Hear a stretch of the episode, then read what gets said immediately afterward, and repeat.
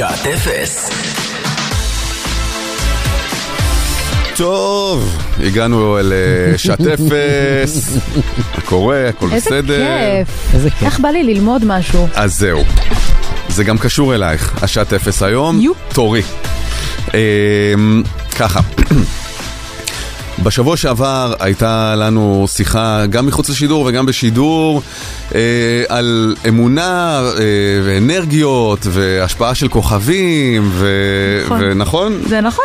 אה, זה בעצם שיחה שהיא היא, היא מייצגת איזשהו פער, אני חושב, ב- בכל מה שקשור לתפיסה שהיא רוחנית מול אה, סקפטיות, אוקיי? ש, ולא בהכרח שוללות אחת את השנייה. אה, אמונה מול אה, מדע. בין אה, אנשים שיכולים לחיות בשלווה נעימה, ואני לא אומר את זה בביקורת באמת שלא, לצד הלא נודע, ואנשים שאוהבים להיות צודקים ולהראות את זה, כמוני. נכון. אמ, אז אני החלטתי לקראת השנה החדשה להושיט יד ולהראות שהפער הוא בעצם לא כזה רחוק, ואפילו אין פער בכלל. יו.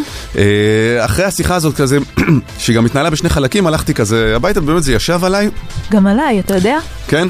כן, אני הייתי הלכתי גם. בסבבה. ואז אה, אה, חשבתי וחשבתי, אמרתי בעצם, וואלה, אביה צודקת. ואני אתחיל מהשורה התחתונה. גם לפי המדע, כולנו אנרגיה. למעשה, הנוסחה המדעית הכי מוכרת והכי מפורסמת אי פעם, זאת שאיינשטיין אה, זיקק ופישט, מדברת בדיוק על זה. עכשיו אני אשים אותה אה, מולנו, אוקיי? E שווה MC בריבוע. הנוסחה הכי מפורסמת בהיסטוריה של המדע. בן אדם הדפיס את הנוסחה ושם אותה מולנו, נכון, באמת. כי- שיהיה מול העיניים. בצורת אה, משולש כדי שהיא תעמוד. שתעמוד יפה. אז uh, הנוסחה הזאת, שהיא כמובן קצה של המון המון חישובים ונוסחאות uh, מורכבות אחרות, בעצם מסבירה את כל הקיום שלנו כאן. היא הייתה כל כך מהפכנית וגאונית שהוא הוא פרסם אותה לפני יותר ממאה שנה, שלקח לקהילה המדעית uh, לא מעט זמן לקבל אותה ולהבין אותה. עכשיו, מה שאני אסביר עכשיו כאן בשעת אפס, כמובן יהיה uh, מאוד מאוד uh, פשוט ומפושט. אני מבקש מכל מאזיננו הפיזיקאים uh, לא למחות על הניואנסים שאני אתעלם מהם וכל מיני אה, ביקורות שאני אשאיר בצד. מה אומרת הנוסחה E שווה MC בריבוע? E, הכי פשוט, אנרגיה. M זאת מסה. לכל גוף יש מסה. חשוב להבין, זה דבר מאוד מאוד חשוב, שמסה היא לא משקל. מסה היא בעצם כמות החומר שיש בגוף. משקל הוא דבר משתנה לפי כוח הכבידה. כלומר, המסה שלי היא תמיד קבועה, על כדור הארץ ועל הירח, אבל המשקל שונה לחלוטין, כי המ- המשקל הוא פונקציה של כוח הכבידה במקום שבו אני נמצא. אז זה המסה. אז כשאני עולה במשקל, המסה שלי נשארת? נשארת אותו דבר. לא. אם אתה עובר לכוכב שיש בו כוח כבידה גדול יותר, אתה עולה במשקל. אתה, כשאתה מעלה מסה על פני כדור הארץ, אתה גם תעלה במשקל, כי אה, כאמור כוח הכבידה כאן הוא אה, קבוע. אוקיי, אוקיי, אוקיי. עכשיו. אה, לקראת החגים לא, פשוט הייתי חייב לשאול את זה, כן. לא הבנתי, לא האמנתי שנעצור כבר פה. אה, בקיצור, המסה היא איננה משקל. מסה זה כמות החומר שיש אה, אה, בכל גוף. יכול להיות אדם, יכול להיות עט, יכול להיות חלקיק. C זה מהירות האור, אוקיי?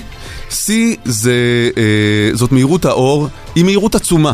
מהירות האור היא 300 אלף קילומטר בשנייה. זה כמו להקיף את כדור הארץ שבע פעמים בשנייה אחת.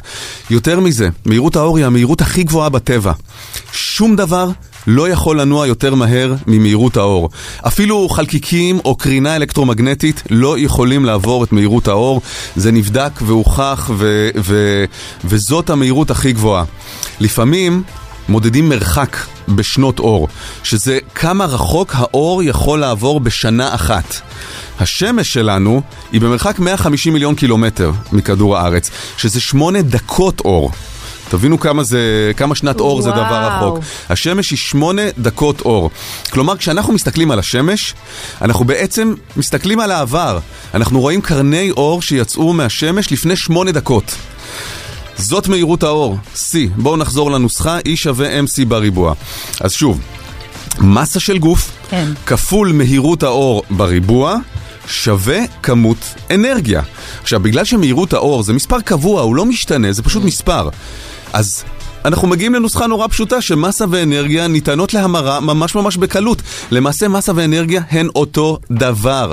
כולנו בסופו של דבר אנרגיה, ובגלל שהמכפלה הזאת של מהירות האור בריבוע היא כל כך עצומה, זה מספר כל כך גדול, יוצא שכל... מסה היא כמויות בלתי נתפסות של אנרגיה. אם מפרקים את המסה, אפילו של חלקיק קטנטן, משתחררת כמות אדירה של אנרגיה. למשל, אם לוקחים גרם אחד, גרם אחד של רדיום ומפרקים אותו, נפלטת אנרגיה כמו מיכלית שלמה שעולה באש. אם זה נשמע איכשהו מוכר למישהו, ככה בגדול עובדת פצצת אטום. הפצצה הגרעינית שהחריבה את אה, הירושימה שקלה בסך הכל 64 קילו. שזה פחות ממני, אוקיי? יואו. הרבה, הרבה פחות ממני. אמ, ורק, וזה הנתון המדהים, מתוך ה-64 קילו של הפצצה הזאת שהחריבה את הירושימה, רק קילו אחד מתוכה עבר בפועל ביקוע גרעיני.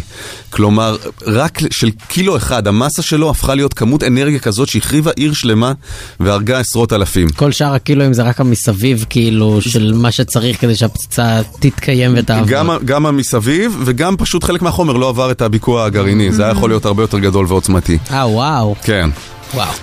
ושוב, אני חוזר לא- לאינטואיציה, כל פעולה שאנחנו עושים... שורפת אנרגיה, נכון? יוצאים לריצה, אה, מרימים את היד, כן. נשרפת אנרגיה, בהתאם זה גם מקטין את המסה המסה. שלנו. אה, וההפך, אכלת שוקולד, קלוריות זה אנרגיה, נכון? גם המסה עולה. הגדלת את המס. כן. אז הבנו שבעצם כולנו, ולפי הנוסחה הפשוטה מאוד מאוד הזאת, אנחנו כולנו מורכבים ממסה שהיא בעצם אנרגיה. אבל באותה שיחה אביה אנחנו גם דיברנו על uh, אסטרולוגיה. נכון. אז מה עם מרקורי והנסיגה שלו, איך זה משפיע על חיינו? בפיזיקה, כבידה היא תופעה שבה עצמים בעלי מסה ואנרגיה נמשכים זה אל זה. לפי החוק השלישי של אה, ניוטון, כאשר גוף מפעיל כוח כלשהו על גוף אחר, הגוף האחר מפעיל כוח נגדי חזרה. אם אני דוחף קיר, ההתנגדות שאני מרגיש זה בעצם הכוח שהקיר מפעיל חזרה עליי. ככל שהמסה של גוף מסוים גדולה יותר, הוא יפעיל כוח חזק יותר. ככה נהגו להסביר את כוח המשיכה. איך אנחנו לא מתפזרים בחלל? אנחנו מפעילים כוח על כדור הארץ, הוא מפעיל עלינו חזרה, אבל בגלל שהמסה של כדור הארץ כל כך גדולה. גדולה, כן. אז הוא מנצח בקרב הכוחות כאלה, ואנחנו נמשכים אליו, אנחנו נמשכים אל המרכז שלו, כלומר אל האדמה. אז כן, כשכוכב מסוים מתקרב אל כדור הארץ, גדל הכוח שהוא מפעיל עלינו. ובהתאם כדור הארץ מפעיל עליו חזרה. הדוגמה הכי טובה זה גאות ושפל בים, שהם תוצאה של מלחמת כוחות בין הירח וכדור הארץ. בנקודות מסוימות, בזמנים מסוימים, הירח מצליח למשוך קצת את המים לכיוון שלו. ובגלל שכוח המשיכה של כדור הארץ גדול בהרבה, זה קורה רק על פני מטרים ספורים או עשרות מטרים ספורים, וגם זה רק לכמה שעות. האם יכול להיות שיש אה, תזוזה מסוימת של כוכב מסוים, יש לזה תת השפעות על התנהגות או על אירועים? אי אפשר לדעת. אבל האיזון של כוחות הכבידה בהחלט משתנה כשכוכבים מתקרבים אלינו או מתרחקים. גם אם בצורה מאוד מאוד קטנה. אה, חשוב להגיד אבל, המדע לא מתייחס לאסטרולוגיה ברצינות, כי אסטרולוגיה לא מבוססת על הוכחות, אלא רק על השערות. אבל העובדה שגופים בשמיים, גרמי שמיים אחרים, משפיעים על מה שקורה על פני כדור הארץ, היא לחלוטין עובדה מוכחת ובלתי ניתנת לערעור. אז א', כולנו אנרגיה, ב', הכוכבים כן משפיעים על מה שקורה על פני כדור הארץ, ו... אני רק חייב להוסיף שאיינשטיין לא היה שלם לגמרי עם ההגדרה הזאת של כוח משיכה, אנחנו אה, בפעם הבאה? נצלול, יהיה חלק ב', אה, לתוך זה ונבין למה זמן הוא יחסי והוא לא מה שאנחנו חושבים, למה תנועה היא יחסית והיא לא מה שאנחנו חושבים, ולמה המרחב שלנו בכלל לא המרחב שלנו כמו שאנחנו תופסים אותו, זה נהיה קצת פילוסופי, כן. אבל זה בפעם הבאה, אבל לקראת השנה החדשה, אה, צדקת, אני צדקתי, אני. ואיינשטיין צדק.